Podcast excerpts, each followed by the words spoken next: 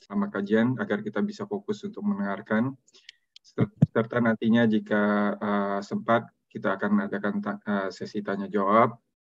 Untuk pertanyaan bisa dititipkan melalui admin uh, lewat admin Fabiola, admin Rashid ataupun lewat WhatsApp dengan nomor plus 44730 Pertanyaan yang dititipkan mohon singkat dan to the point dan nantinya juga diberikan kesempatan untuk bertanya langsung lewat feature raise hand di Zoom. Untuk mempersingkat waktu kepada Ustadz, uh, dipersilakan Ustadz. Tafadol. Jazakallahu khairan. Bismillah. Assalamualaikum warahmatullahi wabarakatuh. Alhamdulillahi rabbil alamin.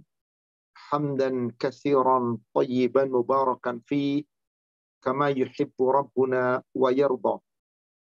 أشهد أن لا إله إلا الله وحده لا شريك له وأشهد أن محمدا عبده ورسوله لا نبي بعده. اللهم صل وسلم وبارك على محمد وعلى آله وأصحابه أجمعين ومن تبعهم بإحسان إلى يوم الدين. أما بعد.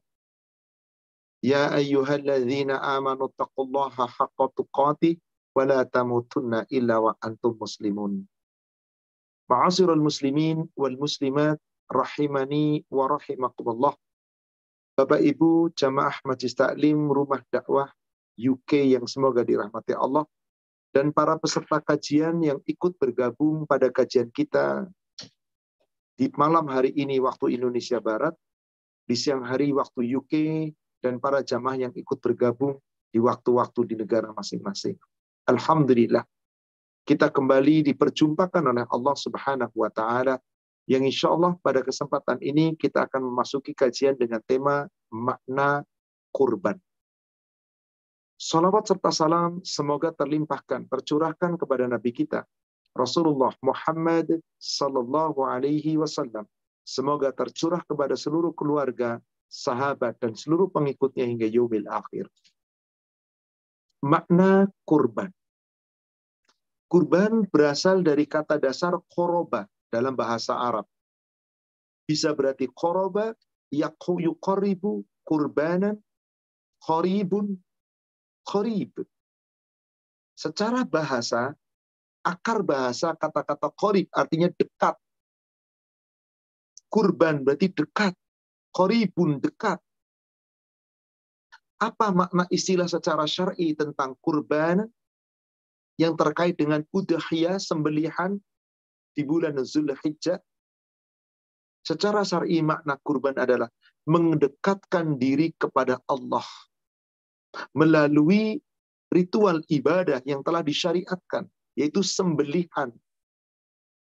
Di dalam bahasa Arabnya, Rasul menggunakan kata-kata udhaya, doha, sembelihan. Menyembelih hewan kurban yang telah ditetapkan berupa binatang ternak dalam rangka mendekatkan diri kepada Allah. Itulah arti daripada kurban. Lalu bagaimana makna kurban? Maknanya begitu mendalam. Peristiwa kurban, sembelihan hewan kurban, diabadikan oleh Allah menjadi syariat melalui peristiwa yang sangat-sangat heroik. Peristiwa yang luar biasa. Ujian yang begitu berat kepada Abul Ambiya, bapaknya para nabi, Ibrahim alaihissalam. Dalam sejarah tercatat, Nabiullah Ibrahim adalah orang yang paling taat menjalankan perintah Allah belum ada generasi sebelumnya setaat Nabi Ibrahim. Bahkan beliau menjalankan perintah Allah dengan tuntas, tidak terkecuali, tidak ada kekurangan sedikit pun. Hal ini tercemin dalam sebuah ayat Al-Quran. Di surat Al-Baqarah, surat 2, ayat 124. Di situ jelas sekali Allah Subhanahu wa taala berfirman, "Wa idh a'udzu billahi minasyaitonir rajim. Wa tala Ibrahim rabbuhu bikalimatin fa'atammahunna. Dan ingatlah, ketika Nabiullah Ibrahim alaihi salatu wasalam diuji oleh Allah Rabbnya dengan bermacam-macam perintah-perintah, aturan-aturan, syariat, larangan, ketentuan, semua telah dikerjakan. Dikelimatin dengan beberapa kalimat, perintah Allah, larangan Allah, syariat Allah, aturan Allah, fa'atammahunna. Maka Nabiullah Ibrahim melaksanakannya dengan sempurna. Kalau diibaratkan ada seorang mahasiswa kuliah itu nilainya summa cum laude, sempurna. Sepuluh semuanya. Tentu saja tidak ada mahasiswa yang seperti itu. Tetap aja ada kurangnya sedikit. Itu dalam urusan duniawi. Tapi ini Ibrahim dalam urusan ubudiyah. Ketaatan kepada Allah. Aturan terkait dengan urusan duniawi sekalipun. Fa'atammahunna. Nabiullah Ibrahim telah menyempurnakan, menyelesaikan, melaksanakan dengan sempurna maka Allah memberikan pujian kepada Nabi Ibrahim. Qala Allah berfirman, "Inni ja'iluka linnasi imama." Ya Ibrahim, sesungguhnya kami jadikan kamu menjadi imam, pemimpin seluruh manusia. Pemimpin bagi seluruh manusia. Maka Nabiullah Ibrahim diberi gelar oleh Allah Abul Anbiya, bapaknya para nabi. Khalilullah, kekasihnya Allah. Maka Nabi Ibrahim berdoa minta kepada Allah. Qala wa min dzurriyyati. Ya Allah, demikian pula dari anak keturunanku. Jadikan menjadi pemimpin, panutan orang-orang yang beriman. Qala, maka Allah menjawab. La yanalu ahdi zalimin. Janjiku tidak berlaku bagi orang yang zalim. Jadi ada keturunan Nabi Allah Ibrahim yang zalim ada. Tapi tidak berlaku janjinya, mereka tidak menjadi pemimpin bagi orang beriman. Maka salah satu doanya Nabiullah Ibrahim yang sangat terkenal dan diabadikan oleh Allah di dalam Al-Quran, di antaranya Allah jadikan doanya para nabi. Demikian pula doanya hamba-hamba Allah yang disayang Allah. Ibadur Rahman.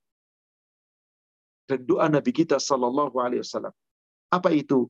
Di surat Al-Furqan. Surat 25 di ayat yang ke-74. Rabbana hab lana min azwajina wa dzurriyyatina qurrata a'yun waj'alna lil muttaqina imama. Ya Allah ya Rabb, karuniakan kepada kami ya Allah pasangan kami sebagai pendamping kami dan anak cucu kami.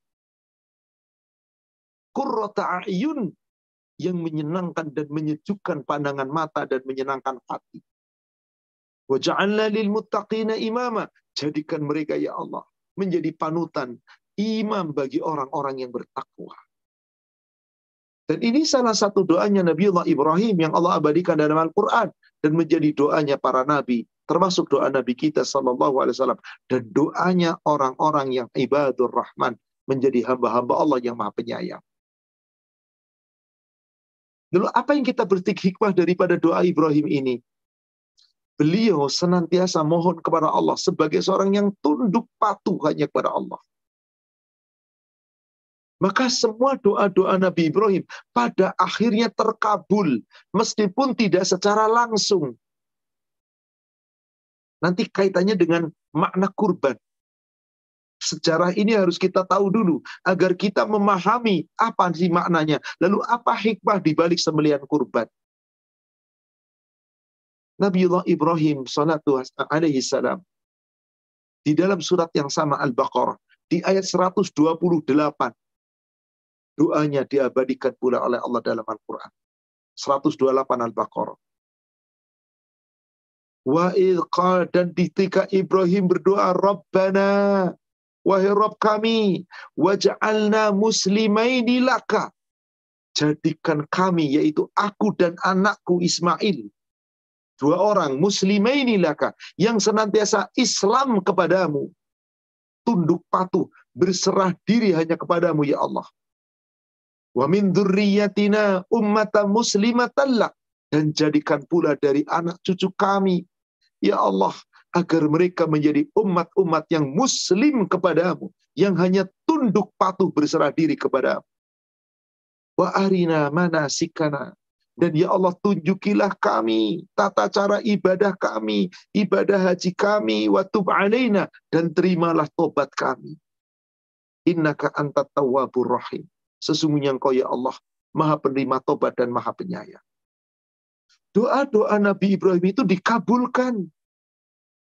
Dan kita tahu dalam sejarah Nabiullah Ibrahim alaihissalam mendapatkan putra ketika usia sudah sangat tua, sudah sangat uzur ketika punya Nabiullah Ismail, usia beliau sudah di atas 80 tahun. Sudah mendekati 90 tahun. Dari istri kedua yang namanya Hajar, bekas budak yang dihadiahkan oleh Raja Mesir, yaitu Fir'aun, kepada Sarah istrinya yang pertama. Saat itu Sarah usianya pun sudah memasuki mendekati 80 tahun. Lahirlah Ismail dari Hajar, istri yang kedua Ibrahim, yang masih lebih muda dibandingkan Sarah. Lalu Ismail tumbuh dewasa. Dan ini berkat doa Nabi Ibrahim pula. Allah abadikan di surat As-Saffat. Surat 37, ayat 100 dan ayat 101. Nabi Ibrahim berdoa. Ketika di usia sudah mendekati 80 tahun belum punya anak. Rabbi habli minas salihin. Ya Allah, ya Rabb, karuniakan untukku seorang anak yang saleh. Terus minta. Fabasyarnahu bihulamin halim. Maka Allah jawab doanya. Setelah sekian tahun, di usia beliau sudah mendekati 90 tahun. Terlahirlah seorang anak yang namanya Ismail. Hulamin halim seorang anak yang sangat santun, yang sangat sabar, yang sangat bagus akhlaknya. Nah, kisahnya tadi setelah Ismail dewasa membangun Ka'bah bersama Ibrahim, Ibrahim berdoa supaya mereka menjadi seorang muslim yang yang tunduk patuh berserah diri kepada Allah. Maka Allah menguji keislaman Ibrahim dan Ismail doa Allah, Allah doa Nabi Ibrahim Allah kabulkan melalui sebuah perintah yang sangat-sangat berat, maha berat bagi kita. Saya yakin. Apa itu? Setelah keduanya melaksanakan ibadah haji, menyelesaikan manasik haji, yang pada akhirnya diabadikan setiap orang berhaji setelah selesai haji lempar jumroh wajib menyembelih kurban pada tanggal 10 Zulhijjah sebagai kesempurnaan ibadah haji. Apakah itu haji kiron, apakah ifrod, apakah tamatu, wajib. Bedanya yang kiron dan ifrod wajib membawa hewan kurban dari tanah airnya. Yang tamatu tidak wajib membawa kurban, tapi cukup menyembelih dengan membeli kurban di tanah suci. Maka hajinya tamatu terpisah. Umroh dulu, tahalul baru haji. Beda dengan ifrod dan kiron. Umroh dan hajinya digabung atau niat haji saja. Maka wajib nyembelih hewan kurban. Nanti di tanggal 10 setelah lempar jumroh. Dan baru boleh tahalul. Sepanjang itu nggak boleh tahalul. Yang tamatu tahalul setelah umroh. Setelah semua manisik selesai, Nabi Ibrahim diperintah Allah nyembeli kurban. Tapi perintah itu belum tegas langsung melalui wahyu. Perintah itu berupa mimpi yang Nabi Ibrahim antara apakah ini perintah atau sekedar mimpi. Dan berulang mimpi itu terjadi. Maka mimpi itu diceritakan kepada anaknya. Allah abadikan di surat As-Saffat tadi. Surat 37 ke ayat 102-nya falamma balagha ma'ahu sa'ya maka ketika usia Ismail telah balik dan telah sanggup berusaha, bekerja dengannya, yaitu bangun Ka'bah, ibadah bersama dengan hajat. Maka saat itu Allah berikan ujian Ibrahim melalui mimpi disuruh nyembelih Ismail. Tapi belum yakin apakah itu firman atau sekedar mimpi. Maka di situ Nabi Ibrahim memanggil anaknya, Ya bunayya, wahai anakku. Ini aro fil manam. Sesungguhnya aku melihat di dalam tidurku. Ani azbahuka. Aku nyembelihmu. Maksudnya aku melihat dalam tidur itu aku mimpi. Di dalam mimpiku aku lihat aku nyembelihmu. Fangzur maza taro. Maka wahai ayahku, wahai anakku, menurut kamu perhatikan tentang mimpi ayah ini. Maza taro. Apa pendapatmu? Apa menurutmu tentang mimpi ayah nyembeli kamu, nak? Apa jawab Ismail di ujung ayatnya? Qala ya abati fa'al ma tu'mar. Ismail cuma menjawab dengan satu kalimat tegas. Wahai ayahku, if'al ma tu'mar. Lakukanlah apa yang diperintah. Ibrahim mimpi, cerita sama anaknya. Nah, aku mimpi melihat menyembelih kamu. Anaknya mengatakan, lakukan wahai ayahku, itu perintah. Sampai Ismail mengatakan, satajiduni insya Allah minas sabiri. Engkau akan mendapati aku, wahai ayahku, insya Allah. Aku sabar. Silahkan, wahai ayahku. Ini perintah, sembelihlah aku. Inilah Islam. Ketundukan, keserah, ketaatan, penyerahan totalitas. Maka tadi, fa'atammahunna. Semua perintah Allah seberat apa pun sempurna dijalankan. Itulah Ibrahim alaihissalam. Yang pada akhirnya nanti peristiwa sembilan ini menjadi syariat.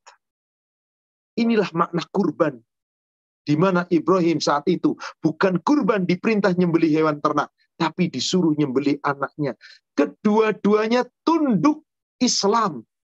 Sebagaimana doanya tadi, Al-Baqarah ayat ke-128. Rabbana waj'alna muslimaini laka wa min dzurriyyatina ummatan muslimatan lak. Ya Allah ya Rabb, jadikan kami berdua dua orang yang muslim kepadamu, tunduk patuh dan hanya berserah diri kepada tanpa pandang bulu, tanpa membantah. Maka melalui mimpi, Ibrahim tidak membantah. Bahkan Ismail putranya dengan tegas mengatakan, lakukan wahai ayahku apa yang diperintah. Maka Allah abadikan pula, kedua-duanya telah berserah diri. Di ayat berikutnya, 103.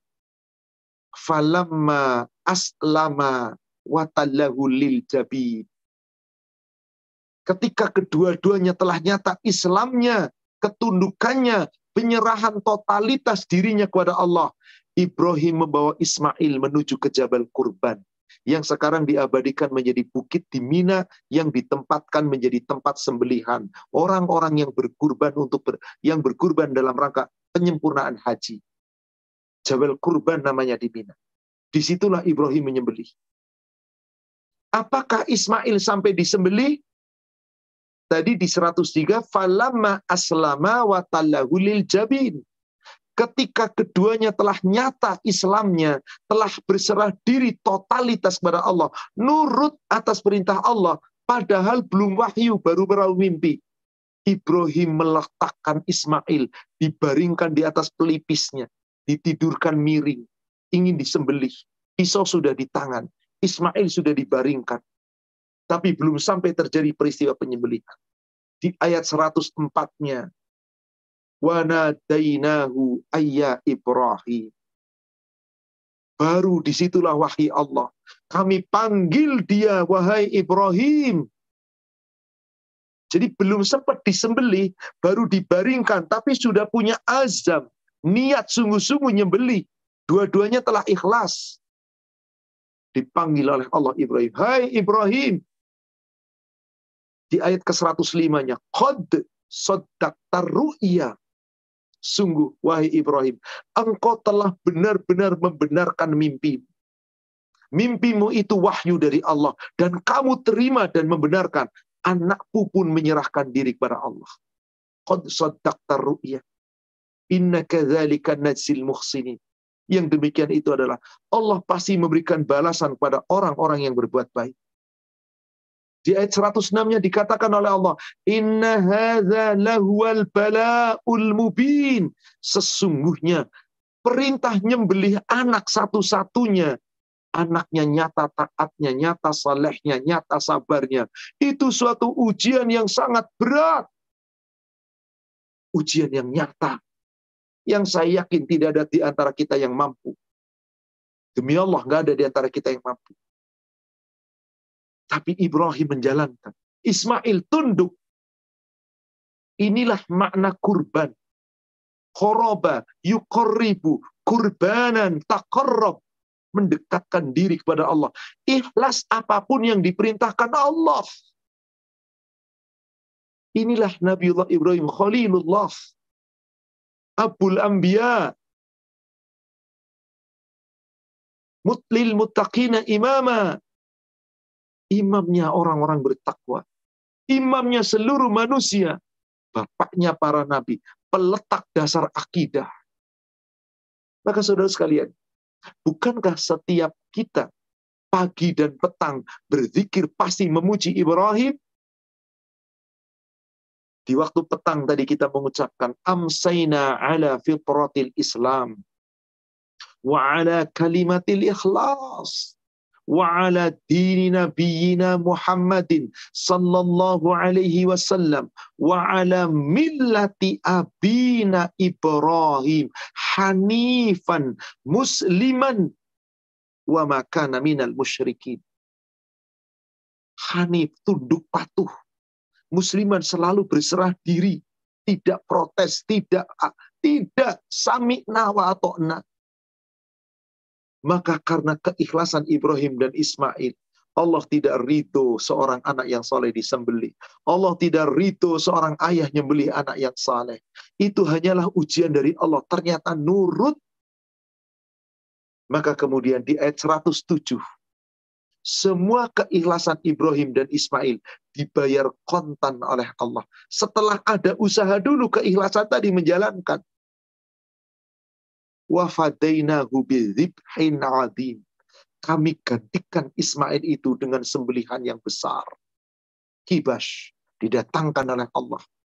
Malu mereka berkurban. Mereka menyembelih.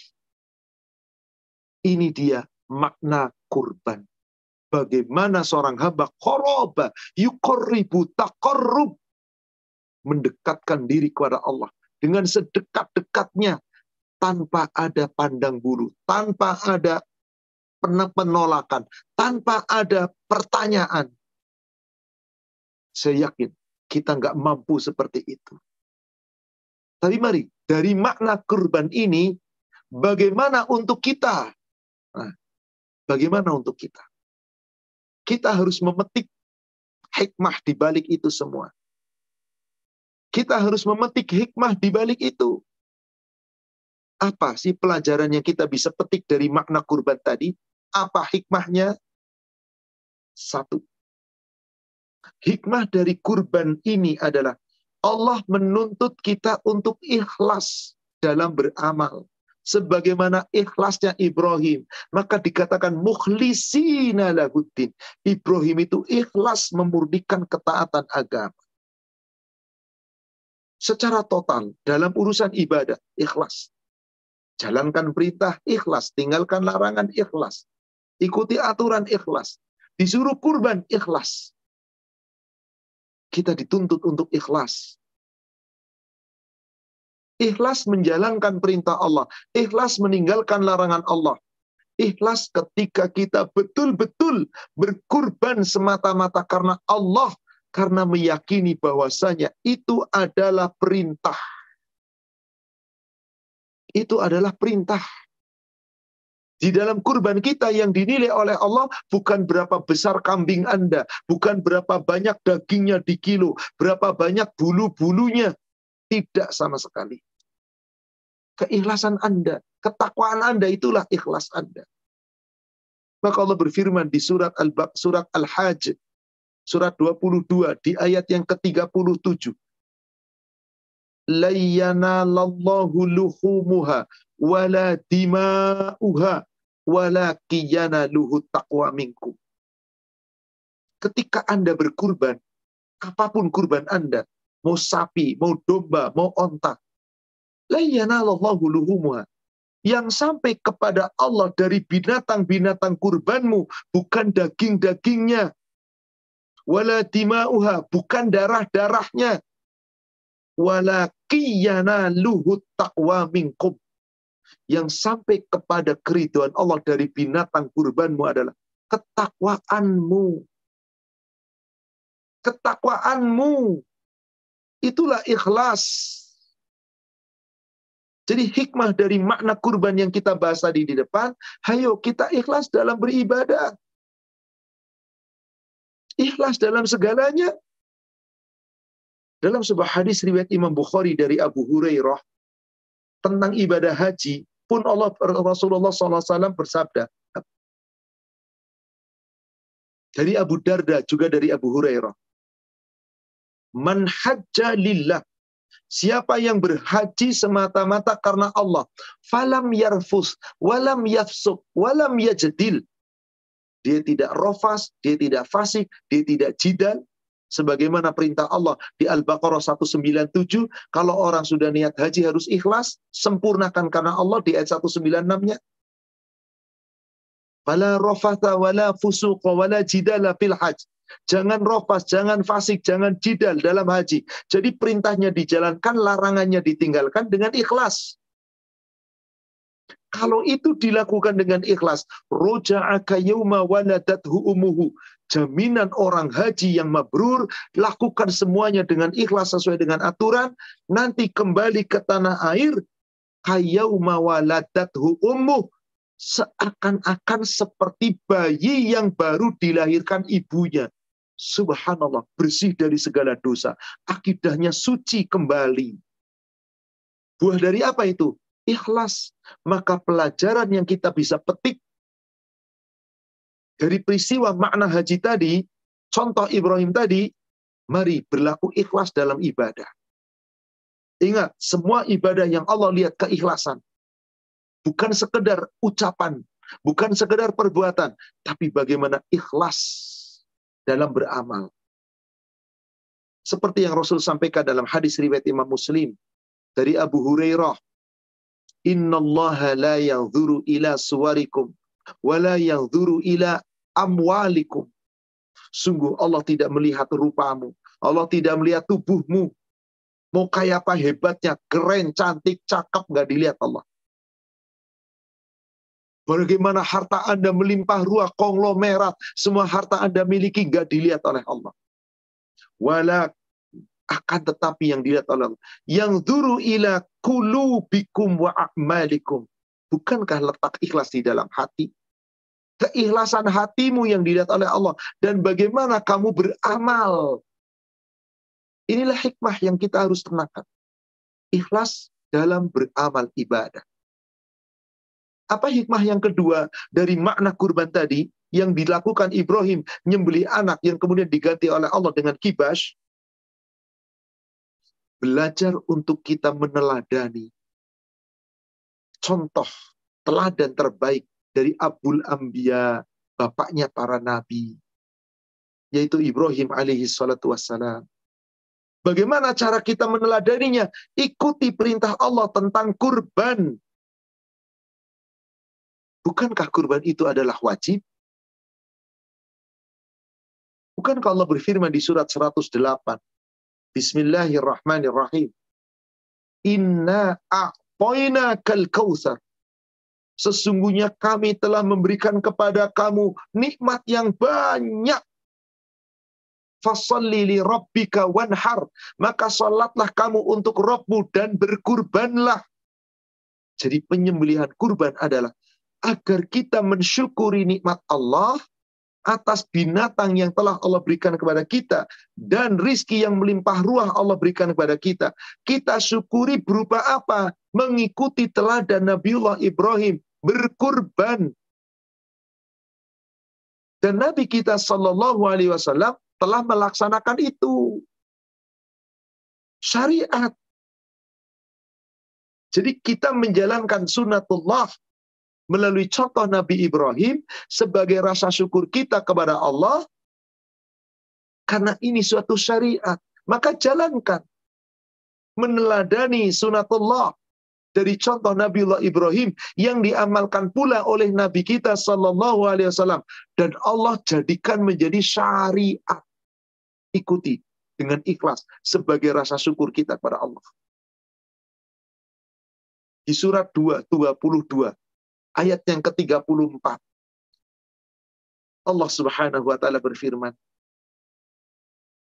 "Walikulli ummatin ja'alna mansaka."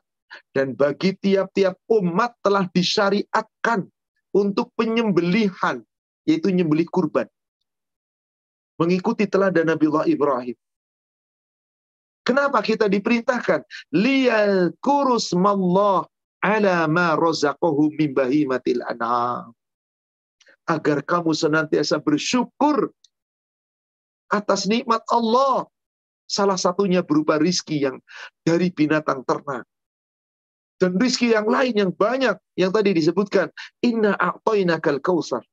Maka disuruh sholat dan wanhar. Sembelih. Udhaya. Nyembelih kurban.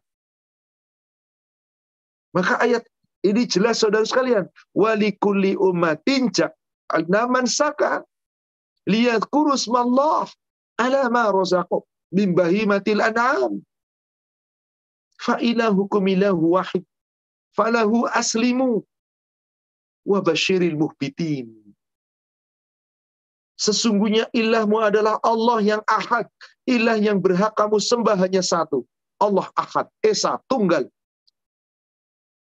ilahu wahid falahu aslimu. Hendalah kamu hai orang-orang yang beriman kepada dia, kepada Allah saja kamu Islam. Sebagaimana tadi Ibrahim. Tunduk. Ibrahim disuruh nyembelih anak. Ismail tunduk, Ibrahim tunduk. Islam, kita bukan disuruh nyembelih anak. Suruh sebagian bersedekah dengan harta kita. Maka hikmah berikutnya adalah kita jadi orang yang senantiasa bersodakoh. Belajar untuk tetap bersodakoh dengan harta yang kita miliki. Karena kurban bagian daripada sodakoh harta. Diwajibkan tadi. Likulli ummatin ja'alna mansaka liyadhkurusmallah ala ma razaqahum min bahimatil an'am. Fa ilahukum ilahu wahid. Falahu aslimu. Kepada Allah hendaklah kamu berserah diri. Kalau diperintah kurban, kurbanlah. Hikmahnya apa yang ketiga tadi? Belajar untuk kita selalu bersedekah dengan harta kita. Semampu kita, jika ada perintah untuk berbuat kebaikan dengan harta, laksanakan. Di bulan Zulhijjah ini, Allah perintah kita untuk berkurban. Dan itu bagian dari sodakoh harta kita. Tapi bukan sodakoh berupa hartanya, sodakoh dari harta yang dirubah menjadi binatang kurban. Anda nggak punya binatang kurban, beli dengan harta Anda berupa binatang kurban. Jadi sodakohnya bukan harta secara materi, tapi berupa binatang ternak. Bukankah kita dapat binatang ternak dengan harta kita? Bersodakoh dengan harta. Maka karena ini terkait dengan kurban adalah sodakoh harta, meskipun tadi ayat mengatakan wajib, fasolli li rabbika wanhar, walikulli umatin ja'alna mansaka, surat 22 ayat ketiga empat tadi. Tapi kaidah mengatakan segala sesuatu yang Allah wajibkan terkait dengan mal, maka kewajibannya tidak mutlak. Sebagaimana haji, wajib bagi yang mampu. Zakat, wajib bagi orang kaya yang mampu, yang hartanya sampai nisab. Yang nggak memenuhi syarat, nggak wajib. Nggak wajib haji, nggak wajib harta. Demi jangan wajib zakat. Sama dengan kurban. Hanya bagi yang mampu. Bersodakoh harta, belajar. Jika Anda mampu, jangan abaikan. Ingat perintah Allah tadi. Segala sesuatu kewajiban. Maka telah sepakat jumhur ulama. Kurban itu hukumnya wajib bagi yang mampu. Seakan-akan keadaannya di atas sunnah mu'akkad. Karena ada sebuah hadis yang diriwayatkan oleh Imam Ahmad, Ibnu Majah, dan Imam Hakim dari sahabat Abu Hurairah. Rasulullah Shallallahu Alaihi Wasallam bersabda, man kana lahu sa'atun falam yudhi fala yaqrabanna musallana. Barang siapa yang pada saat Idul Adha, hari raya kurban, mereka memiliki harta, kelebihan harta, saat lapang harta, lapang materi, punya harta dan bisa beli kurban, bisa beli kambing minimal, atau mau bersedekah atau kurban dengan sapi bersyarikat silakan. Yang penting punya harta dan ada kelebihan harta, sementara simpanannya ada. Falam yudahi, tapi kemudian dia tidak mau nyembelih kurban, fala yakrobanna musallana maka janganlah mereka yang punya harta tapi tidak mau kurban, jangan mendekati tempat sholat kami. Seakan-akan Rasul apa? Mengusir orang-orang yang tidak mau kurban padahal mampu kurban. Suhpan, suhpan, suhpan. Pergi kamu, pergi kamu. Gak usah dekat tempat sholat kita. Mau Anda diusir oleh Rasul. Sedangkan kita ingin berjumpa dengan Rasul nanti. Di padang masyar, di telaga kausar kita ditunggu oleh Rasul. Gimana kalau Anda mampu kurban, nggak berkurban? Anda menyelisihi sunnah. Anda menyelisihi perintah. Anda tidak mengambil hikmah dari peristiwa kurban. Anda tidak ikhlas dalam bersodakoh harta. Subhanallah. Nah, ini satu hikmah. Kita bisa petik hikmah itu, saudara sekalian. Apalagi hikmah yang kita kandung dari makna kurban tadi ada larangan yang dikaitkan dengan orang yang nyembelih kurban.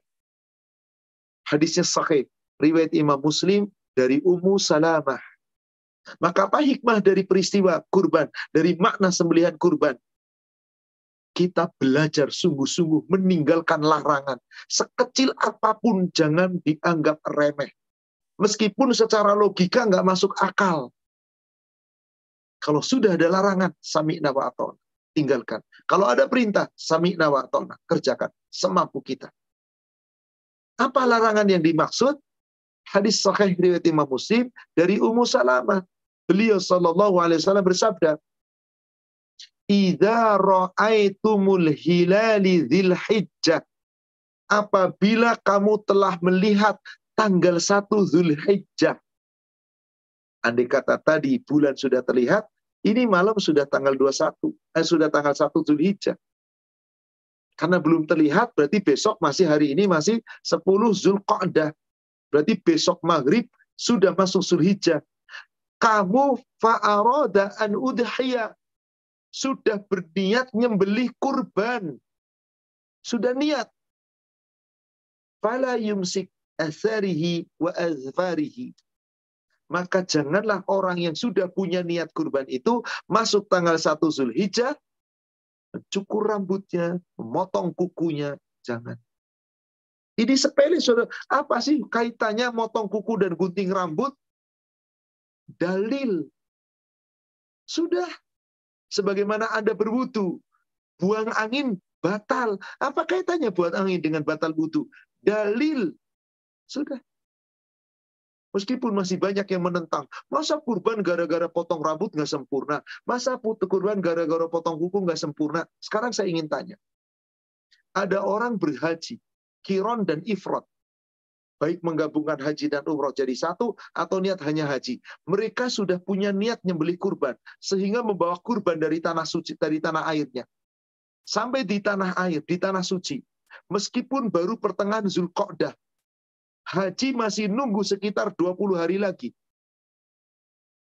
Bahkan lebih. Dia sudah umroh. Boleh cukur nggak mereka? Tidak. Boleh gunting kuku enggak? Tidak. Kalau Anda mencukur dan gunting kuku, sempurnakah haji Anda? Tidak. Masa sih gara-gara motong kuku, gunting kuku, dan gara-gara nyukur rambut, masa sih nggak sempurna hajinya? Dalil. Allah telah berfirman di Al-Quran, Al-Baqarah 196. Wa atimul hajja wal umrata lillah. Fa in famastaisara minal hadi. Fala tahliku ru'usakum hatta yablughal hadyu mahillah. Sempurnakan kalau kamu haji. Ibadah haji dan umrahmu sempurnakan karena Allah.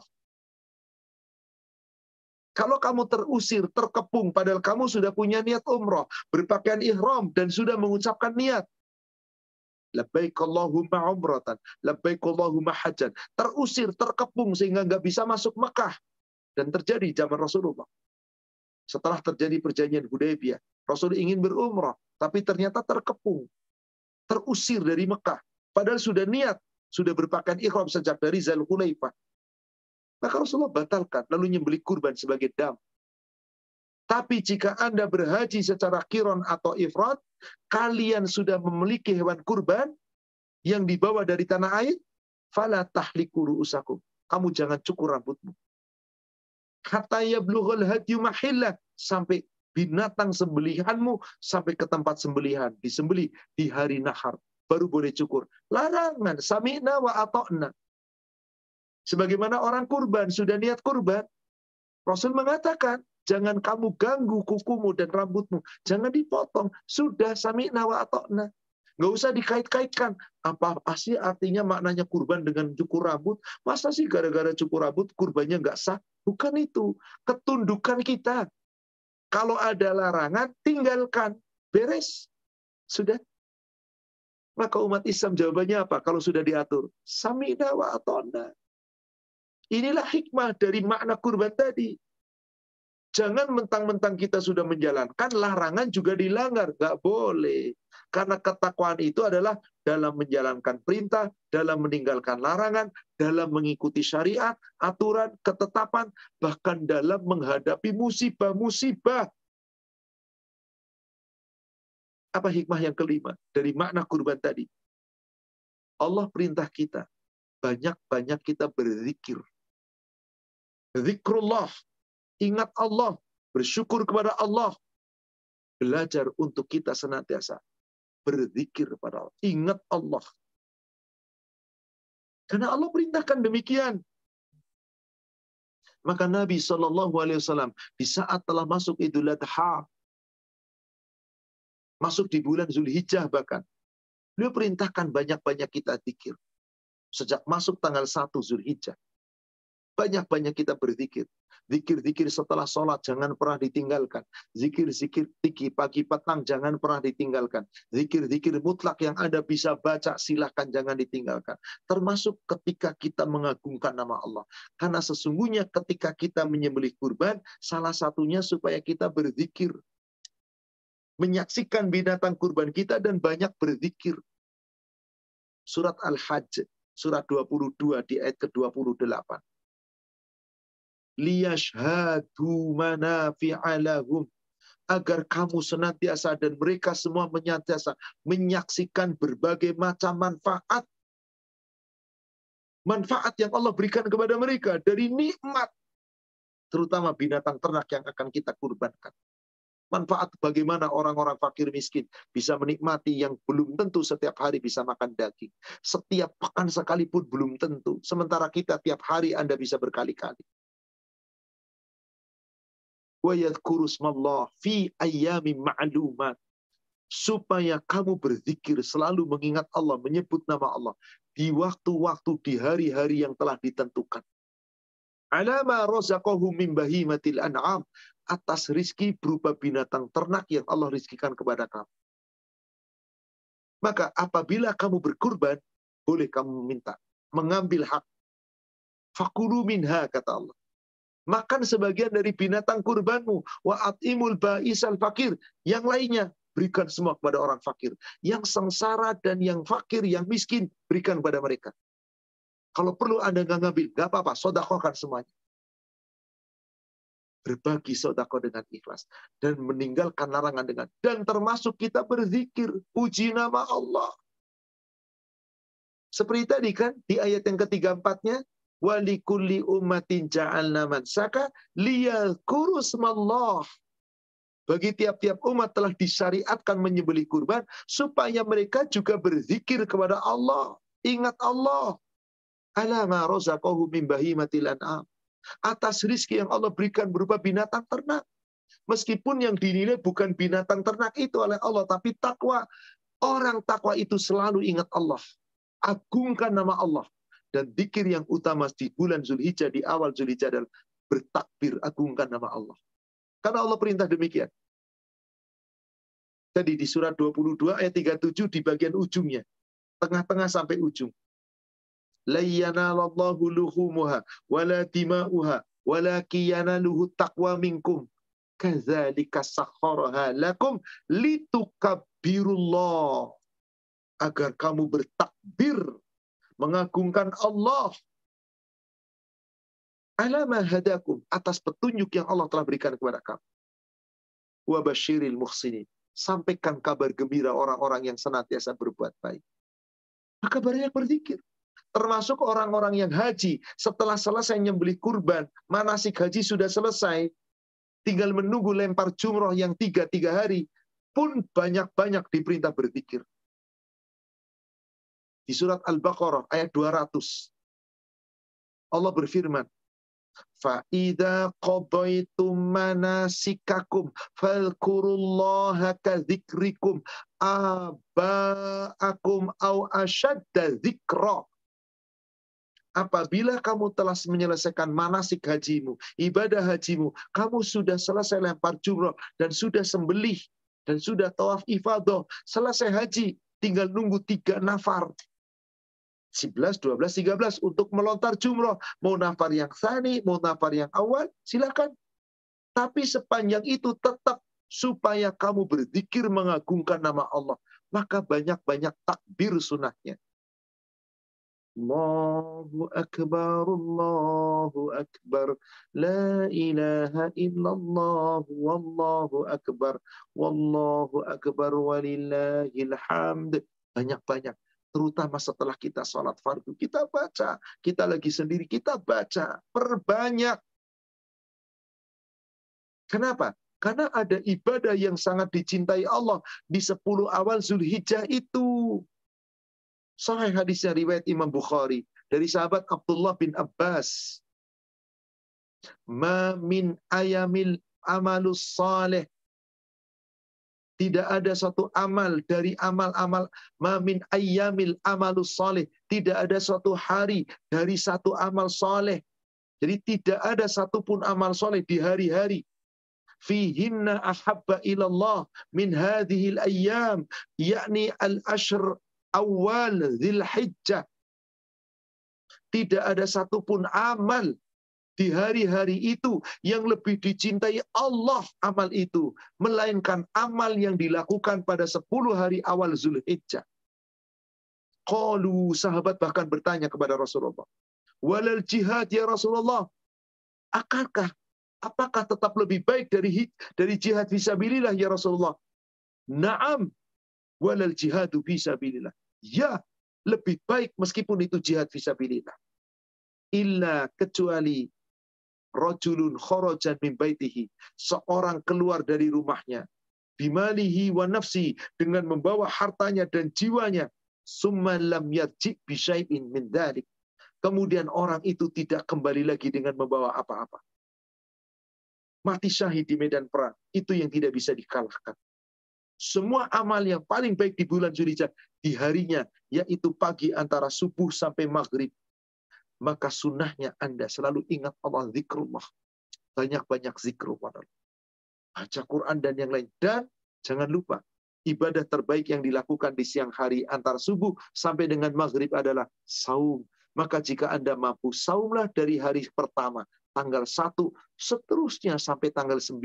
Tanggal 10 tentu saja tidak boleh. Tidak boleh. Dan Allah perintahkan dikir, dikir, dikir.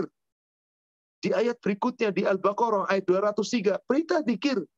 Wadhkurullah fi ayami ma'dudat. Berzikirlah kamu kepada Allah pada hari-hari yang telah ditentukan.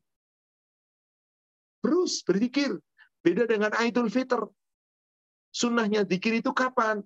selesai Anda sholat subuh, siap-siap menuju ke tanah lapang untuk sholat Aid, sepanjang Anda keluar dari rumahnya, terus sepanjang perjalanan, sampai di lapang-lapang sholat, tempat sholat Id, seterusnya sampai kemudian ditegakkan sholat, itu stop.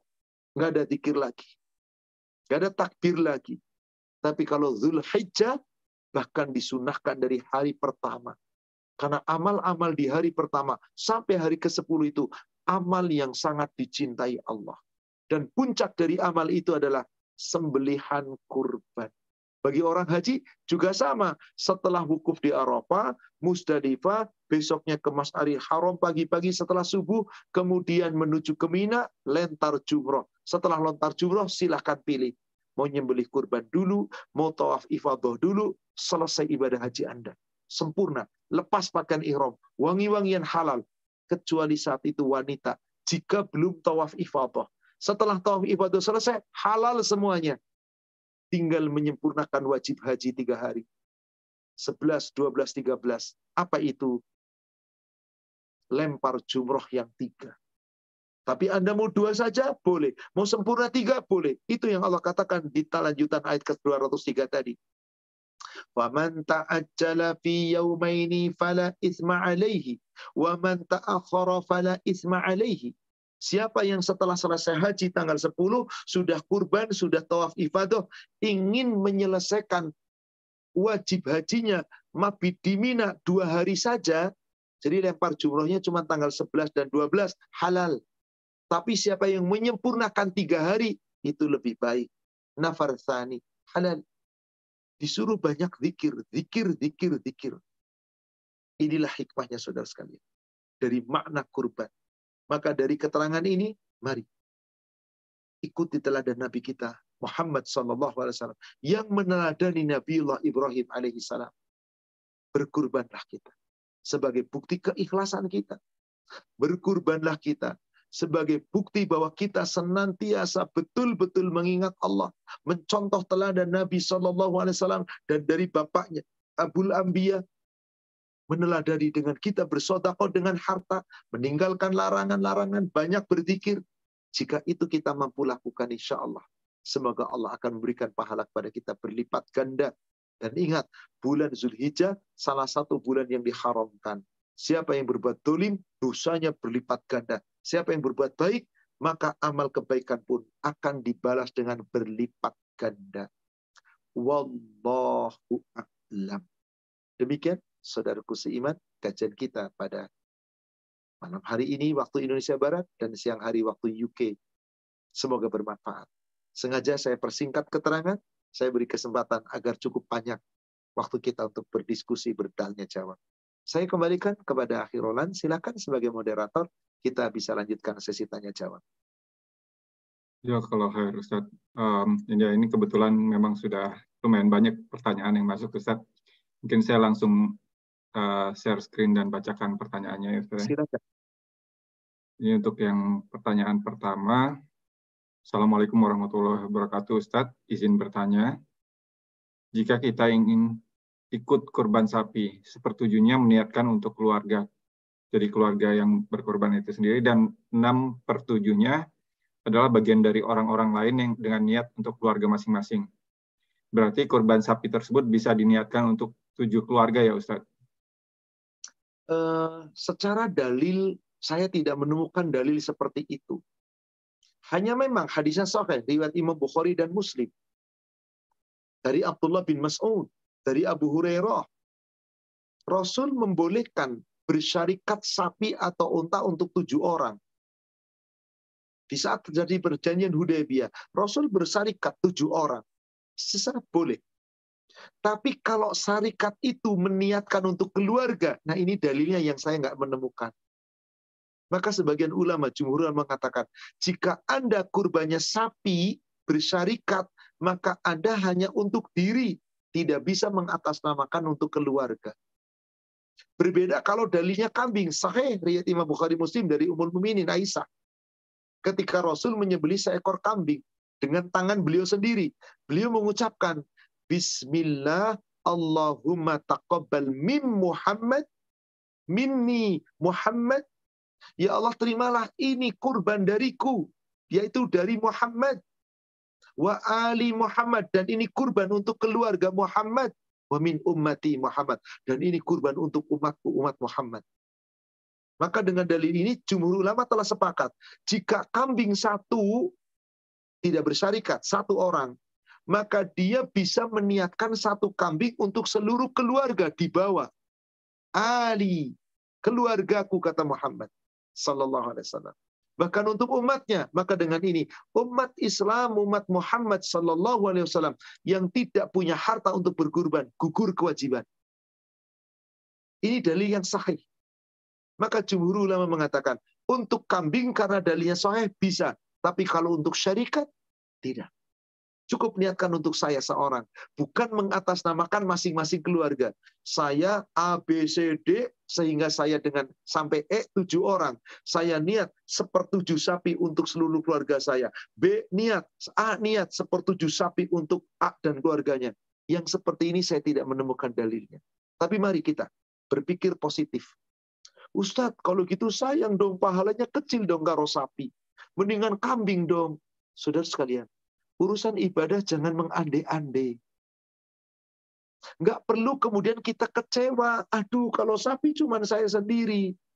Seorang yang taat, dididik oleh orang tua yang taat, bersama keluarga-keluarga yang taat, insya Allah semuanya akan dijamin oleh Allah berjumpa di surga. Meskipun mereka kita tidak atasnamakan kurban, bahkan jika mereka mampu kurban masing-masing, jangan mengandalkan satu orang. Kalau memang perlu satu sapi sendiri, satu sapi. Ingat tadi, surat 22 ayat 37. Allah nggak lihat darahnya, Allah nggak lihat segede apa dagingnya, Allah nggak lihat berapa balak bunyi, berapa banyak bulunya. Nggak. Meskipun banyak hadis palsu, hadis do'if jidan yang berbicara itu. Bulunya dihitung, makin banyak bulunya, maka pahalanya makin banyak. Darah mengalir pun akan menjadi saksi nanti binatangnya menjadi tunggangan. Maka sebaiknya jangan bersarikat sapi sendiri karena ditunggangi. Nanti kalau bersarikat ditunggangi sapinya kecapean. Ini nggak tahu dari mana. Dan ada maaf Ustadz yang menceritakan seperti itu. Ya biarkan saja mereka. Tapi mana dalilnya? Ayatnya jelas surat 30, surat 22 ayat 37 yang sampai kepada Allah ketakwaan Anda sudah jangan berhitung. Mau sapi, mau kambing ikhlas yang penting ingat ikhlas. Gak usah hitung-hitungan. Akhirnya apa? Dengan seperti itu. Karena maaf, ada seorang ustaz juga yang mengatakan, jangan sapi, sebaiknya kambing satu untuk keluarga. Kalau sapi nggak bisa. Akhirnya orang terpacu, dah kambing. Padahal boleh jadi manfaatnya lebih banyak sapi untuk orang banyak. Jangan egois dalam hal ini. Atau Anda punya harta, ya sudah, sapi juga, kambing juga. Apa susahnya? Bukankah Allah akan melipat gandakan pahalanya? Demikian, wallahu a'lam. Jadi rujuk kembali kepada aturan kurban. Karena Rasul sudah mengatur demikian, ya sudah ikuti Rasul. Gak usah kecewa ketika sepertujuh sapi hanya untuk seorang diri, bukan untuk atas nama seluruh keluarga. Nggak masalah Pak. Insya Allah Allah tahu kok Anda berkurban, keluarga Anda pasti mendapatkan. Kalau mereka orang-orang baik. Allah. Demikian. Ya kalau Ustaz. Afan Ustaz, ini mungkin mohon klarifikasinya sedikit nih Ustaz. Tadi jadi kalau uh, kita mau mengatasnamakan keluarga, sebaiknya kita cari hewan kurbannya kambing, kambing ya Ustaz ya. Betul. Betul. Kalau untuk uh, porsi sapi itu proporsinya atas satu orang. Atas satu orang. Sesuai dalilnya seperti itu. Tapi maaf, maaf ini. Saya luruskan kembali ketika Anda berkurban seekor kambing, lalu di atas namakan keluarga, Anda jamin nggak bahwa semua keluarga dapat pahala dari Allah? Urusan pahala, urusan Allah. Apakah ketika saya bersekutu tujuh orang, selalu saya salah satu sapi, sepertujuhnya, apakah kemudian hanya saya yang dapat dan gak dapat yang lainnya? Saudara sekalian, ingat, ibadah itu ikhlas. Udah nggak usah hitung-hitungan pahala. Coba perhatikan surat 4 123. Surat An-Nisa ayat 123. Tolong perhatikan ayat itu. Laisa bi amaniyikum wala amaniyi ahlil kitab. Pahala dari Allah itu bukan menurut angan-anganmu. Bukan menurut angan-angan ahli kitab. Bukan. Siapa yang amalnya buruk ya pasti balasannya buruk. Meskipun saya niatkan untuk keluarga, ada keluarga yang amalnya buruk yang nggak bakal dapat. Sementara saya sapi untuk seorang, ada keluarga saya sama-sama beriman, insya Allah ketemu di surga. Meskipun tidak mendapatkan pahala dari kurban sapi saya. Gak usah terlalu hitung-hitungan lah urusan pahala. Urusan Allah, ingat gak pernah ada Rasul seperti itu kok. Cuman Rasul ketika berkurban Bismillah Allahumma taqabbal minni min Muhammad wa ali Muhammad wa min ummati Muhammad. Banyak yang kemudian mempersepsikan sebaiknya jangan sapi, kambing aja. Bahkan satu keluarga cukup kambing aja, nggak usah banyak-banyak. Gak begitu cara pemahamannya. Wallahu alam. Demikian akhi. Tapi silakan masing-masing punya keyakinan ya silahkan saja. Toh nanti Allah yang akan menentukan pahala itu. Demikian. Wallahu alam.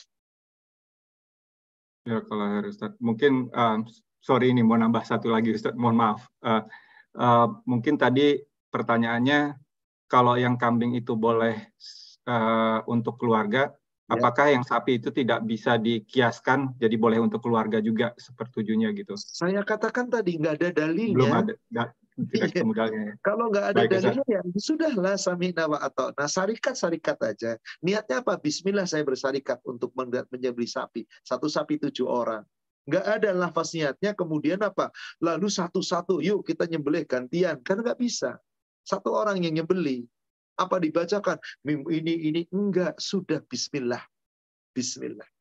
Jadi karena tidak ada dalil, ya sudahlah. Sekali lagi, gak usah hitung-hitungan pahala. Meskipun masih banyak para asatid yang menyampaikan, enggak sebaiknya kambing aja, jangan sapi. Ya monggo, silakan, silakan, silakan. Ingat, tujuannya ini bukan urusan kambingnya, sapinya, pahala. Enggak, ikhlas. Tolong tadi camkan surat 22 ayat 37.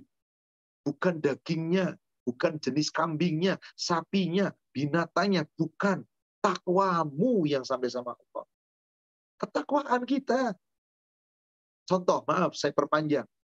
Ada suatu daerah yang sangat membutuhkan. Mustahiknya banyak. Kalau kambing tujuh, kecil-kecil dagingnya sedikit. Sedangkan sapi satu dagingnya bisa dua kali lipat dari kambing tujuh. Manfaatnya lebih banyak untuk orang banyak. Kenapa kita nggak berkurban manfaat untuk orang banyak? Meskipun pahala saya cuma dapat satu. Saya ikhlas. Keikhlasan Anda dibalas oleh Allah berlipat ganda. Ingat, di sini dibutuhkan keikhlasan. Jangan terlalu hitung-hitungan. Urusan pahala terserah Allah lah sudah. Sama seperti niat sholat. Ada seorang yang mengatakan, kalau Anda datang ke masjid, sudah waktu tinggal lima menit. Anda mau tahiyatul masjid, waktu lima menit, padahal itu kopiah subuh. Nilainya lebih baik dari dan seisinya. Niatin dua sekaligus. Ya tahiyatul masjid, ya kopiah subuh. Biar apa? Biar dapat pahala double. Anda yakin?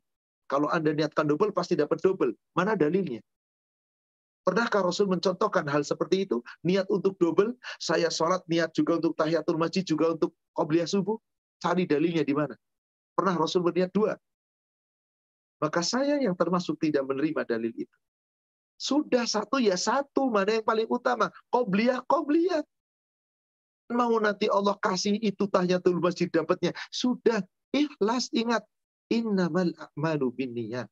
Niat itu di sini, fil dalam hati. Ikhlas Anda. Demikian, Allah alam. Tapi yang berbeda pendapat dengan saya, yang berbeda pendapat dan mengikuti ada pendapat ustadz-ustadz yang lain, nggak apa-apa. Wong kita semua punya hasanah, punya keyakinan kok. Dah, jangan ribut masalah itu. Yakin kita amalkan. Bismillah. Demikian. Jadi, ya, kalau yang tidak sependapat dengan saya, silahkan Anda mengikuti pendapat yang lain. Nggak ada masalah. Jazakallah. Um, untuk pertanyaan berikutnya, Ustaz, kembali akan saya share. Uh, Assalamualaikum. Ustaz, Afwan, mana yang lebih dahulu membayar hutang atau berkurban? Masalahnya hutang bukan pada satu orang, jadi yang mana yang lebih dahulu diwajibkan untuk membayarnya? Anda punya hutang 15 juta. Ke A 5 juta, ke B 5 juta, ke C 5 juta. Misal, Anda cuma punya uang 5 juta sementara Anda punya utang. A sudah nagih dan Anda sudah janji jatuh tempo. Mana kurban dulu atau hutang? Ya jelas hutang dong. Hutang. Nafsul mukmin mu'allaqatin bidainihi. Seorang mukmin nanti di akhir terkatung-katung dengan hutangnya. Kata yukta sampai hutang itu dilunasi. Hutang lebih dulu. Jangan Anda berandai-andai saya pengen dapat pahala kurban. Lalu hutang Anda, hutang ditagih sampai nanti di yaumil akhir. Anda punya duit, bayar hutang. Anda nggak mau bayar hutang, zolim. Matlul ghani zulmun. Anda mampu bayar hutang, tapi nggak mau bayar hutang. Malah untuk yang lain, zolim Anda. Jadi tidak boleh. Kecuali Anda punya hutang 15 juta ke ABCD. Anda sekarang punya uang 10 juta. Kemudian apa? Harus jatuh tempo kepada si A. Hari ini, pekan ini, bayarkan 5 juta.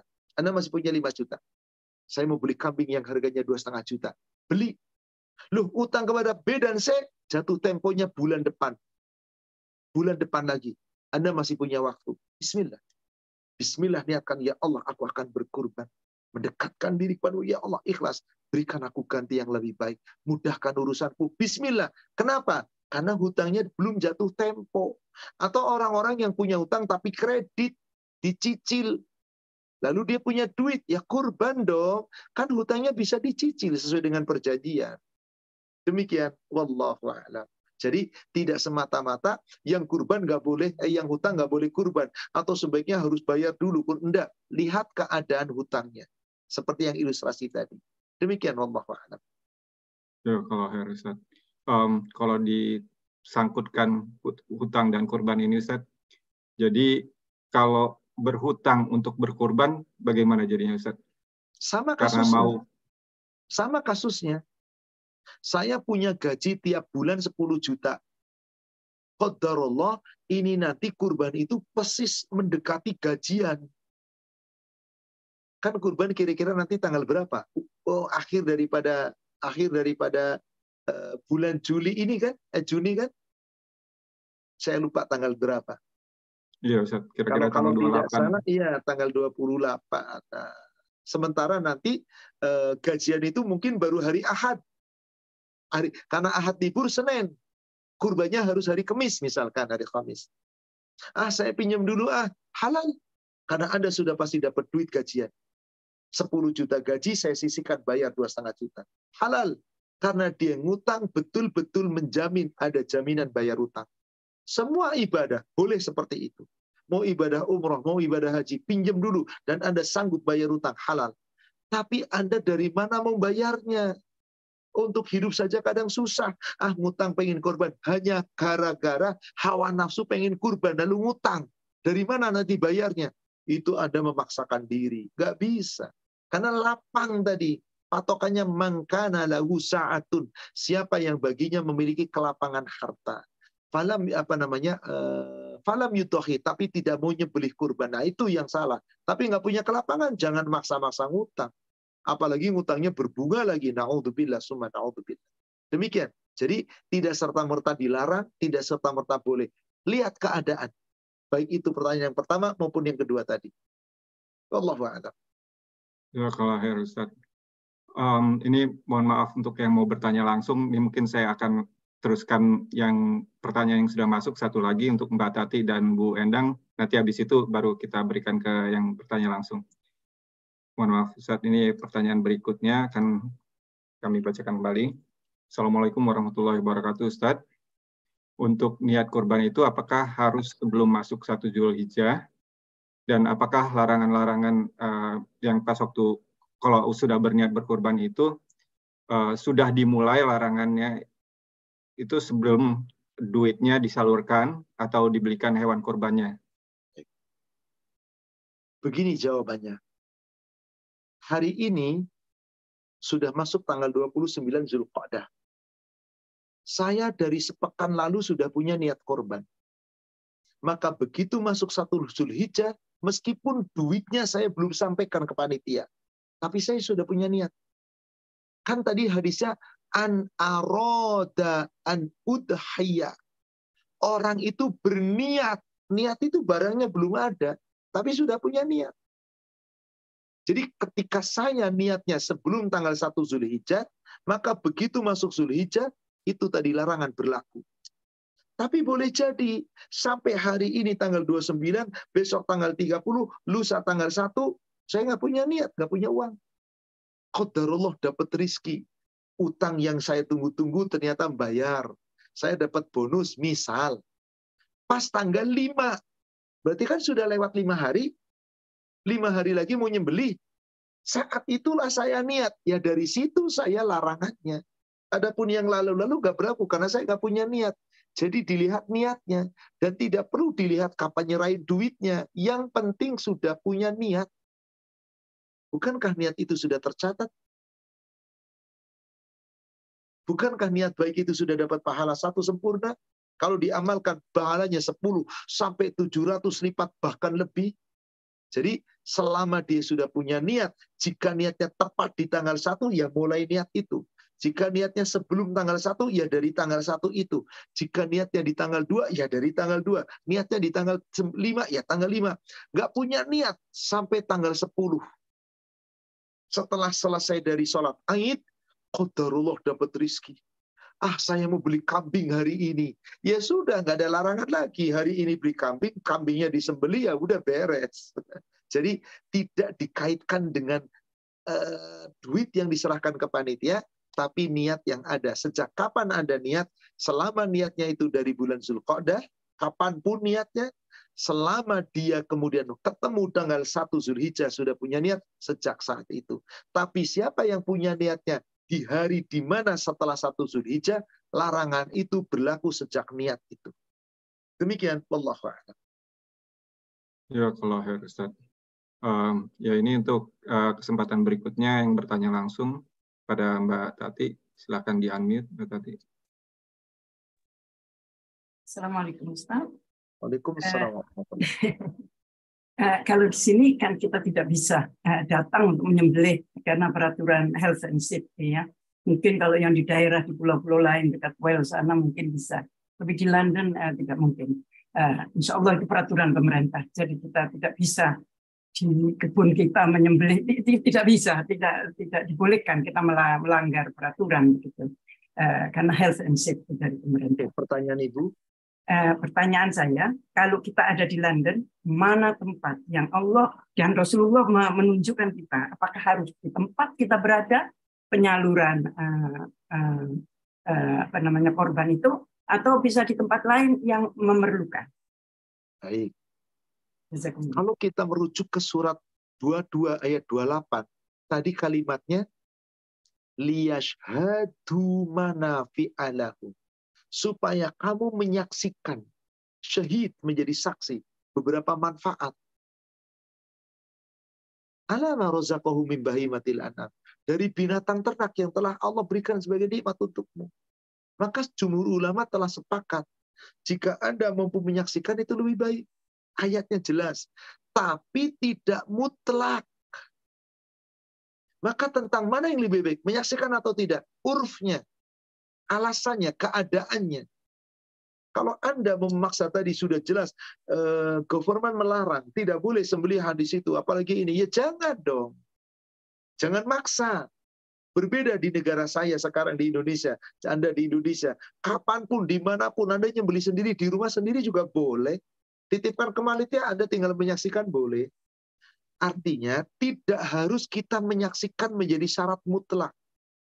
Contoh, Hadis sahih riwayat Imam Bukhari Muslim dari Ali bin Abi Thalib. Dari beberapa riwayat hadis, Rasul selalu nyembeli sendiri. Rasul selalu nyembeli sendiri dengan tangannya. Tapi di hadis riwayat Imam Bukhari Muslim dari Ali bin Abi Thalib, Rasul tidak nyembeli sendiri dan tidak ikut menyaksikan. Rasul menyerahkan binatang kurbannya kepada Ali. Lafaz hadisnya an Ali radhiyallahu anhu dari Ali semoga Allah meridhoinya radhiyallahu anhu an Rasulillah sallallahu alaihi wasallam dari Rasulullah sallallahu alaihi wasallam amaroni Rasul memerintahkan kepadaku an aqwama ala budnihi untuk mengurus hewan-hewan kurbannya wa an uqasima luhumaha wa juludaha wa julal wa jilalaha alal masakin lalu aku diperintah untuk apa? Menyerahkan seluruh daging-dagingnya, kulit-kulitnya, pakaian-pakaiannya kepada orang miskin. Semuanya. Bahkan aku dilarang memberikan upah kepada tukang potong dari binatang itu. Dari mana upahnya ya Ali? Dari uang kami sendiri. Siapa yang korban, maka dia harus keluar uang untuk upah. Saat itu Rasul tidak menyaksikan. Jadi jangan dipaksakan harus menyaksikan. Anda di kota besar, komplek Anda begitu banyak orang mewah. Sekelilingnya banyak orang butuh, tapi orang-orang yang sesungguhnya nggak miskin-miskin sekali. Tapi beberapa daerah sangat membutuhkan. Di kampung kelahiran kita sangat minim, di mana banyak orang miskin. Kenapa nggak kita lempar ke sana? Atau kenapa nggak ada kurban ke sana? Kurban juga di tempat dekat Anda. Misal, maka di sinilah dibutuhkan kita keikhlasan sekali lagi. Ingat, keikhlasan. Jangan ego ngejar pahala gede, tapi banyak orang yang terbengkalai. Sudahlah, pahala kita kecil nggak apa-apalah. Yang penting punya keikhlasan berbagi. Bukankah ikhlas berbagi dengan orang-orang saudara kita yang membutuhkan? Punya pahala tersendiri lagi? Kalau Anda mampu, berbagi untuk beberapa daerah. Berbagi di tempat Anda. Itu tentu lebih baik. Jadi jangan terpaku hanya satu. Bisa berapa semampu Anda. Kenapa? Rasul pernah berkurban dengan 10 ekor ontak. Rasul pernah memberikan hadiah untuk isi-istri beliau. Seekor sapi untuk seorang. Tapi ketika beliau tidak mampu, sekambing untuk seluruh keluarga. Begitu cara kita berpikir. Jadi jangan hanya berpikir, pokoknya sebaiknya satu keluarga kambing. Loh keluarga Anda ada delapan. Suami mampu, isi bekerja, punya duit. Anak yang sudah menikah tiga, punya duit semua, gajinya gede-gede. Mampu. Lalu Anda sekeluarga, satu kambing.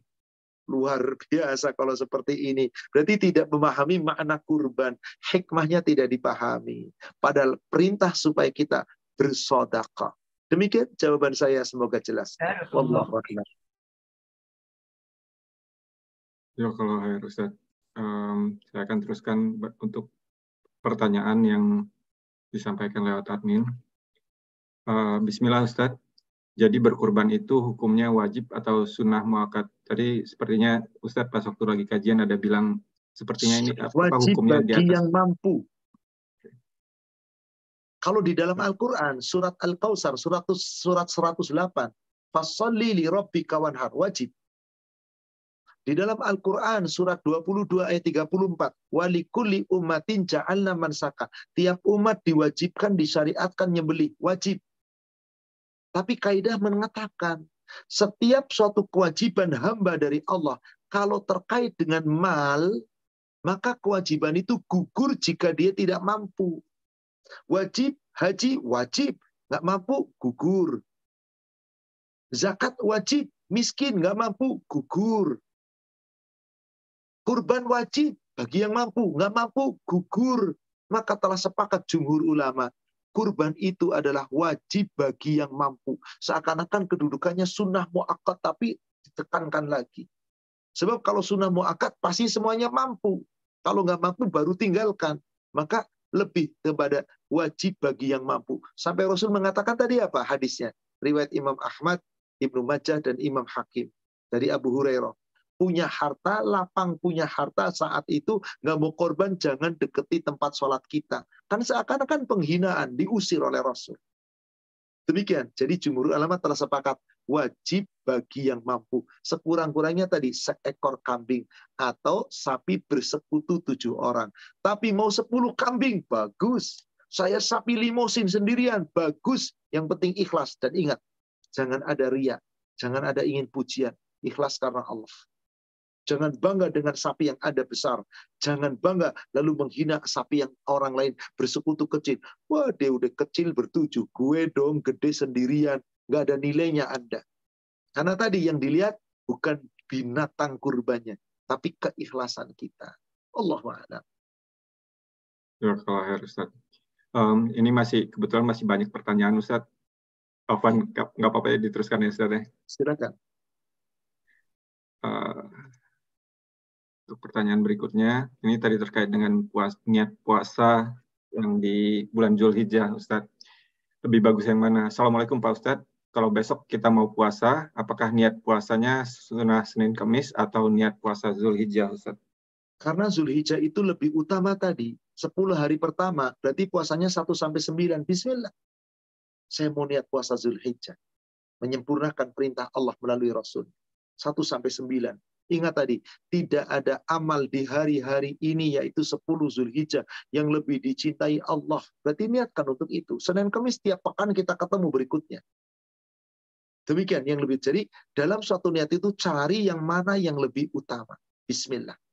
Mau double, terserah Anda. Tapi sekali lagi, tidak pernah ada dalil bahwa Rasul meniatkan double satu amal untuk satu niat untuk dua amalan sekaligus. Saya tidak mendapatkan dalil tentang itu. Meskipun masih banyak ulama yang mengatakan itu. Asatid yang membolehkan itu terserah Anda. Ingat, pahala sekali lagi urusan Allah. Saya senantiasa meniatkan satu niat untuk satu amal.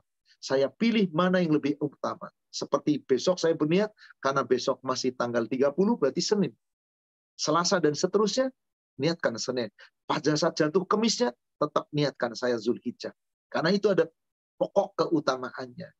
Demikian dan untuk seluruh ibadah-ibadah yang lain. Bismillah, niatkan satu niat itu lebih selamat karena itulah contoh Rasul. Tapi yang mau niat satu sekaligus untuk dua amal, tiga amal, monggo silahkan saja. Yang memberi pahala bukan kita kok. Bukan ustadz, bukan kiai, bukan siapa pun. Allah. Ingat, selalu dinilai oleh Allah keikhlasan Anda. Demikian Allah. Ya kalau Ustaz untuk kesempatan berikutnya, ini mungkin yang mau bertanya langsung, Bu Endang, silahkan di unmute. Pertanyaannya singkat dan satu aja dulu, Ibu ya. Ya. Assalamualaikum warahmatullahi wabarakatuh, Ustaz. Assalamualaikum uh, Yang saya ingin tanyakan demikian, Ustaz. Uh, Indonesia ini kan di wilayah timur daripada Arab dan uh, tentu matahari terbitnya dari wilayah timur dan kalau kita melihat uh, untuk terbitnya bulan ini dengan alat teknologi akan tampak lebih jelas daripada dengan yang kasat mata. Tapi perbedaan itu adalah indah dan itu Allah yang menilai ibadah kita. Kalau kita melakukan sholat idul adhanya itu tanggal 28 Ustadz, terus eh, korbannya itu kita menyembelihnya tanggal 29 apakah sah pelaksanaan ibadah kita keduanya tersebut. Demikian terima kasih. Wassalamualaikum warahmatullahi Saya sarankan kepada para jamaah di dalam menentukan apakah ini sudah masuk Idul Adha atau belum. Itu jangan dengan hawa nafsu, pakailah ilmu. Dikatakan dengan teknologi, teknologi seperti apa? Kalau teknologi itu dengan teropong, dengan dilihat, memang perintah Rasul seperti itu. Tapi kalau teknologi itu nggak perlu dilihat, tapi dengan menghitung tidak pernah ada di zaman Rasul. Tapi di negara kita ada yang seperti itu. Organisasi tertentu tidak pernah mau lihat pakai bulan, pakai mata, pakai teropong, pakai apa enggak. Selalu dengan hitungan. Maka jauh hari, kapan? Tiga tahun yang lalu sudah tahu kapan itu Adha tahun ini. Karena pakai hitungan. Saya tahu yang dimaksud tentu Ibu sudah paham dan Bapak sudah paham organisasi sana. Dan qadarullah di negara kita diperbolehkan perbedaan itu. Tapi jangan harap ada di Arab Saudi dan beberapa negara Islam. Yang berhak menentukan cuma satu, amir, pemimpin. Kita punya pemimpin. Apakah pemimpinnya mau pakai teknologi hisap, apakah mau pakai dilihat, sudah urusan pemimpin, tanggung jawab pemimpin. Karena kita terjadi perbedaan, akhirnya itu tadi. Akhirnya timbul organisasi ini mengatakan tanggal 28 hari Rabu sudah so. Kemudian yang pemerintah karena ini belum terlihat berarti otomatis Kamis baru Idul Adha. Lalu ibu bertanya, saya mau lebarannya Rabu, tapi korbannya kemudian Kamis. Sah atau tidak? Pertama, Anda akan diminta tanggung jawab kenapa memilih tanggal hari hari Rabu. Itu baru tanggung jawab. Kedua, adapun kurban, kurban itu tidak harus tanggal 10. Kalau Anda telah meyakini dengan ilmu dan dalil dan Anda yakin ikut Rabu, Rabu bismillah. Kurbannya Rabu. Tapi saya nggak mau kurban Rabu, kurbannya Kemis. Boleh. Karena waktu kurban bukan hanya tanggal 10. Kapan waktu kurban? Waktu kurban itu 10, 11, 12, 13. Yes. Tapi tentu untuk menentukan itu Anda ditanya nanti oleh Allah. Ikut siapa Anda? Kalau merujuk kepada dalil, rakyat itu wajib mengikuti amir. Jika amir ya yang salah, amir tanggung jawab. Karena Rasul perintahkan bersama. Tapi itu tadi saya katakan di negara kita dibolehkan. Ayo monggo-monggo saja, silakan saja. Maka saya pernah membahas detail sekali satu kajian khusus di, di waktu sekitar satu jam 45 menit. Saya bahas tuntas, saya kupas tuntas tentang cara menentukan hilal. Bagaimana yang hisab, bagaimana yang rukyat. Semua dalil, ayat Al-Quran, hadis saya bedah. Jika ibu ingin lihat, coba cari kajian saya terkait menentukan satu, tanggal satu. Baik itu Syawal, itu Ramadan, itu Dzulhijjah, itu ada kriterianya. Silakan simak tuntas, silakan simak di YouTube. Insya Allah keluar nama. Sebut nama saya, kemudian sebut ustadznya, kemudian sebut cara menentukan hilal, kajiannya akan keluar. Silakan ibu simak. Sehingga apa? Ibu punya ilmu, bapak punya ilmu, menentukannya apakah mau ikut organisasi, atau ke pemerintah, Anda sudah punya keyakinan. Bismillah. Jika ada perbedaan, jangan ribut, jangan gontok-gontokan, jangan merasa menang sendiri, lalu menyalahkan orang lain. Bismillah. Tapi kalau pertanyaan tadi tentang kedua, bolehkah saya kurban besoknya? Enggak masalah. Karena kurban itu batasnya 10, 11, 12, 13. Demikian. Wallahu a'lam. Ya, kalau Ustaz. Untuk pertanyaan berikutnya, kembali akan kami share screen. Bismillah, mohon bertanya Ustadz. Kami berhaji dari luar Indonesia. Biaya per orang termasuk hewan kurban. Waktu mendaftar, mendaftarkan dan membayar haji untuk saya dan keluarga dihitung masing-masing orang. Jadi satu hewan kurban per orang. Ini bagaimana hukumnya Ustadz? Memang demikian. Memang demikian. Setiap orang berhaji pasti akan diberikan oleh kalau kita hatinya yang reguler, bayar ke pemerintah, nanti pada saat Anda di, uh, di, di, di tanah air sebelum ke tanah ke sebelum ke bandara masih di apa namanya asrama itu dibagiin duit 1.500 real. Dibalikin oleh pemerintah, nih 1.500 real.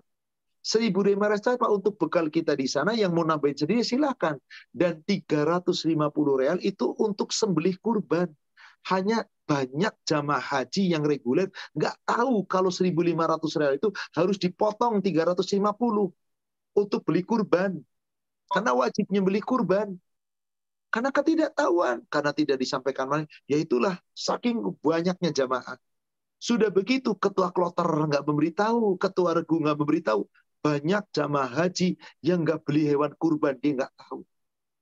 Dan kalau mau daftar sendiri, apalagi orang-orang yang maaf ya, terbelakang dari kampung, bingung. Jangankan mau nyetor ke mana, bingung sendiri. Bahasanya udah nggak kenal. Nah, itu kewajibannya seharusnya pemerintah. Pemerintah jangan kemudian memberikan semuanya. Jangan 1.500 real itu potong 350 real. Sampaikan kepada muasasah sampaikan, titipkan di sana. Ini untuk kurban jamaah Indonesia. Jamaah yang reguler misalkan 200 ribu. Ya 200 ribu kali 350 real. Biar semuanya dibelikan. Mau onta, mau kambing terserah. Beda kalau hajinya plus. Itu insya Allah dikodingi oleh si penyelenggara, yaitu travel. Atau haji yang orang-orang pakai biasa tapi tanazul, bergabung dengan beberapa uh, apa namanya yang namanya yayasan. Nah, itu juga biasanya yayasannya yang tahu. Insya Allah mengkoordinir dengan baik. Intinya, intinya betul seperti itu. Kalau keluarga tujuh orang ya tujuh kali sekian berapa harganya. Sekiannya tuh berapa ONH-nya. Dan itu sudah mencakup binatang kurban yang harus dibeli. Yang diberikan kepada jamaah haji. Jamaah haji harus beli di sana. Cuman kan beli di sana pasti bingung. Karena nggak bisa sembarangan tempat di Mina jualan kambing. Nggak ada. Harus ke Jabal Kurban. Bukit Kurban di sekitar Mina dan seterusnya. Di situ banyak penjual. Beli. Banyak tempat pemotongan. Beli. Bisa. Cuman kalau kita sendiri ya sulit. Harus kendaraan, harus ini. Ya perlu lagi tempatnya nggak bakal tahu. Makanya biasanya dikoordinir. Demikian. Betul jadi anggaran tadi. Memang per orang harus bayar. Ya, kalau Her Ustaz, ini untuk pertanyaan berikutnya. Kalau dilihat dari pertanyaannya sepertinya sudah terjawab sih Ustaz. Ini penanya 1, 2, dan 3. Ini yang pertama, izin bertanya Ustaz, 1 Zulhijjah 1444 eh, Hijriah itu hari apa? Saya searching, ada yang bilang hari Minggu ini, ada yang hari Senin, ada yang hari Selasa, yang mana yang benar Ustaz? Penanya yang nomor benar, dua. Tiap-tiap ada, ada berada di mana? Di negara mana? Ikuti amir yang ada di negara itu. Bismillah, insya Allah benar. Bismillah. Di mana ada negaranya, ikuti. Dah, bismillah. Yang kedua? Ya, penanya dua. Kapan mulai puasa Zulhijjah? Ya berarti sama di negara mana Anda. Kalau Anda berada di negara Indonesia, Allah pemerintah menentukan bahwasanya hilal belum terlihat. Besok masih tanggal 30 Zulqa'dah. Jadi besok malam maghrib tanggal 1 Zulhijjah. Berarti mulai kapan puasanya? Selasa. Kalau Anda ikutin pemerintah. Dan saya lebih condong mengikuti pemerintah karena memang sesuai kriteria melihat hilal. Tapi katanya Arafah itu harus sesuai pelaksanaan haji. Ada yang berpendapat demikian, ya silahkan saja. Silahkan mana yang Anda yakini, ikuti sajalah. Tapi Rasul telah mengatakan melalui para sahabat, tiap negara berbeda penglihatan. Meskipun itu Arafah. Hari Arafah bukan saja hari wukuf. Hari Arafah ditentukan tanggal 9. Qadarullah memang penyelenggara wukuf adalah Arab Saudi. Ada sebagian ustadz yang mengatakan wajib ikuti wukuf Arafah. Monggo, kalau ada punya keyakinan, bismillah. Enggak, saya ikutin tiap-tiap negara karena tiap negara berbeda penglihatan hilalnya. Bismillah. Saya secara pribadi saya taat kepada Amir, saya ikuti perintah Amir karena Rasul berpesan demikian. Hadis riwayat Imam At-Tirmidzi. Dan hadis ini sahih. Usikum bitaqwallah. Aku wasiatkan kepada kamu takwa sama Allah. Wasami wa ta'ati wa in amarakum abdun. Dengarkan dan taati perintah Amir. Meskipun pemerintahmu yang memerintah, yang memerintah kamu, pemimpinmu seorang budak. Selama yang menentukan itu, meskipun budak, tapi sesuai dengan aturan Allah dan Rasul, ikuti. Beda kalau menyelisihi aturan Allah dan Rasul, jangan diikuti. Tapi insya Allah negara kita khususnya Indonesia khusus dalam menentukan tanggal 1 kriterianya tepat mengikuti sunnah Rasul dengan melihat mau pakai teropong mau pakai terserah mau pakai hisap hanya patokan tapi tetap hasil akhirnya dilihat karena seperti itulah Rasul perintahkan. Adapun yang menghisap sudah menentukan karena hisap ngitung nggak perlu dilihat Hari ini sudah tanggal 1, berarti besok Senin 1 Zulhijjah. Sudah yang mana yang Anda ikuti Bismillah. Allah akan mintai tanggung jawab tiap-tiap kita. Yang penting kita tahu ilmunya, jangan asal ikut-ikutan. Karena berlaku surat 17 ayat 36. Wala takfu ma laysa laka bihi ilmu. Inna sam'a wal basara wal fuada kullu ulaika kana anhu mas'ula. Jangan kamu asal ikut-ikutan. Ikut ini, ikut ini tanpa kamu punya ilmu. Belajar, tahu ilmunya. Amalkan dengan apa yang Anda yakini. Bismillah. Karena nanti pendengaran Anda, penglihatan Anda, hati nurani Anda, dan akal pikiran Anda yang Allah telah berikan kepada Anda, dimintai pertanggungjawaban. Kita belajar dulu sekolah, harus punya ilmu. Jawab asal jawab, tanggung jawab. Kalau Anda nggak lulus, salah Anda. Ini urusan agama, saudara sekalian. Jangan asal manut ikut-ikutan tanpa ilmu. Maka seyogianya mari kita belajar, belajar, belajar. Dan apa yang Anda yakini, bismillah amalkan. Semoga ketika memutuskan salah, tetap dapat pahala karena Anda belajar dan punya ilmu. Ketika memutuskan benar, pahalanya double dua. Monggo. Dalam hal ini ada perbedaan, sudah kita sudah terbiasa berbeda. Yang penting kita punya keyakinan dan ilmu. Bismillah, amalkan. Dan jangan saling menyalahkan. Jangan merasa paling benar. Itu yang saya harapkan. Wallahu alam. Satu pertanyaan terakhir, Rafi. Sebab waktu juga sudah cukup larut. Oke, okay. Ya, kalau harus. Um, sedekah nomor pertanyaan nomor berapa? Pertanyaan nomor berapa? Um, sebentar Ustaz ya.